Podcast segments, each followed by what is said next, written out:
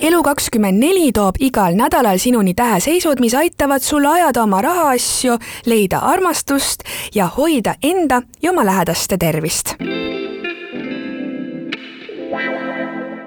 tänases podcastis kuulete, mida tähed sul uueks nädalaks ennustavad. kaksikud ületavad ühe hirmu, kuid vähisuhe teeb läbimurde, aga nüüd kõigest lähemalt. head kuulamist Jääral võib toimuda sel nädalal töö- või karjäärialaselt oluline läbimurre. siin on võimsad energiat mängus ning sa võid teha midagi, mis jätab sinust suure jälje maha. ent samal ajal ei lähe kõik siiski voolavalt, kuna igapäevases suhtlemises ja isegi liiklemises võib tulla ette veidraid takistusi sõnn võib kogeda sel nädalal uutmoodi vabadust ning sinu usk elusse teeb läbi mingisuguse pöörde, mis toob kaasa positiivsed hoiakud. sõnnid, kes parasjasti reisivad ja seiklevad, võivad saada elumuutva kogemuse.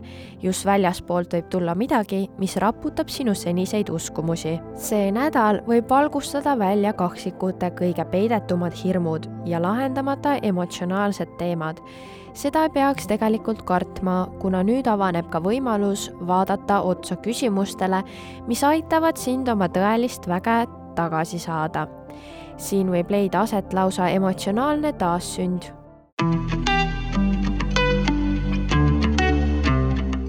Nii mõnigi vähk võib sattuda võimuvõitlusesse partneriga, ent tekkiv olukord võimaldab sul partnerluses uuele tasandile jõuda kui seda õigesti ära kasutada. mõnel juhul peab üks partnerlus päriselt lõppema. see võib olla ka töösuhe. Lõvi tervislikus seisundis võib toimuda sel nädalal suur pööre. kes on olnud haige, saab terveks, kel on õnnestunud haigusi seni vältida, jääb haigeks. põhjuseks võib olla ületöötamine, sest paistab, et sinult nõutakse praegu väga palju Neitsi jaoks avaneb mingisugune loov energia laegas, see on loominguliselt võimas ja viljakas nädal, mis soodustab ka romantikat ja isegi rasestumist. kuid millegipärast ei toeta karjäär ja ambitsioonid sinu loovenergiat või ülemustega tekib veider ebakõla. Need on väiksed takistused sinu teel, mis testivad, kas sa suudad jääda oma südamesoovile kindlaks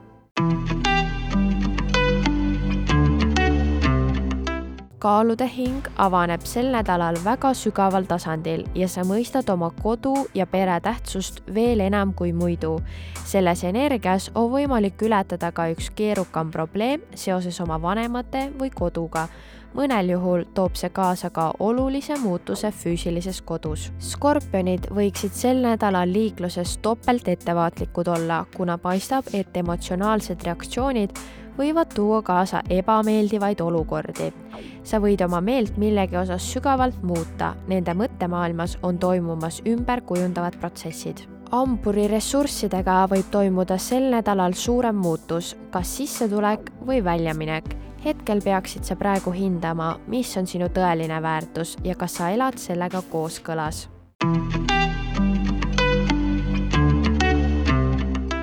see nädal annab kaljukitsele võimaluse iseennast kuidagi teistmoodi näha. see võib olla väga jõustav kogemus. sa võid märgata või tõdeda, kui suur mõju on sul teiste inimeste elus. kui on vaja end veenvalt ja mõjuvalt väljendada, siis nüüd on selleks ideaalne aeg. veevalaja jaoks on suurem osa nädalast kuidagi ähmane ja ebaselge ning sind mõjutavad mingid alateadlikud mõtted ja hoiakud sa tunned ka tavapärasest suuremat väsimust, kuid nädala lõpus leiab aset uus algus, mil sa hakkad viimaks talveunest ärkama.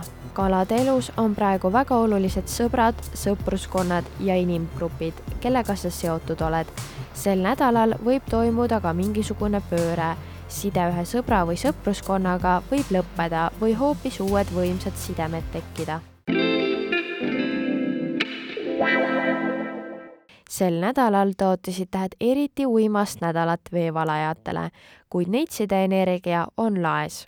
ära jää ilma iganädalasest Elu24 horoskoobist, pane like ja follow meie sotsiaalmeediakanalitele ja telli digitellimus juba täna järgmine kord vaatame lähemale, mida toob jaanuari lõpp tähemärkidele. sa kuulasid Elu24 horoskoobi podcasti.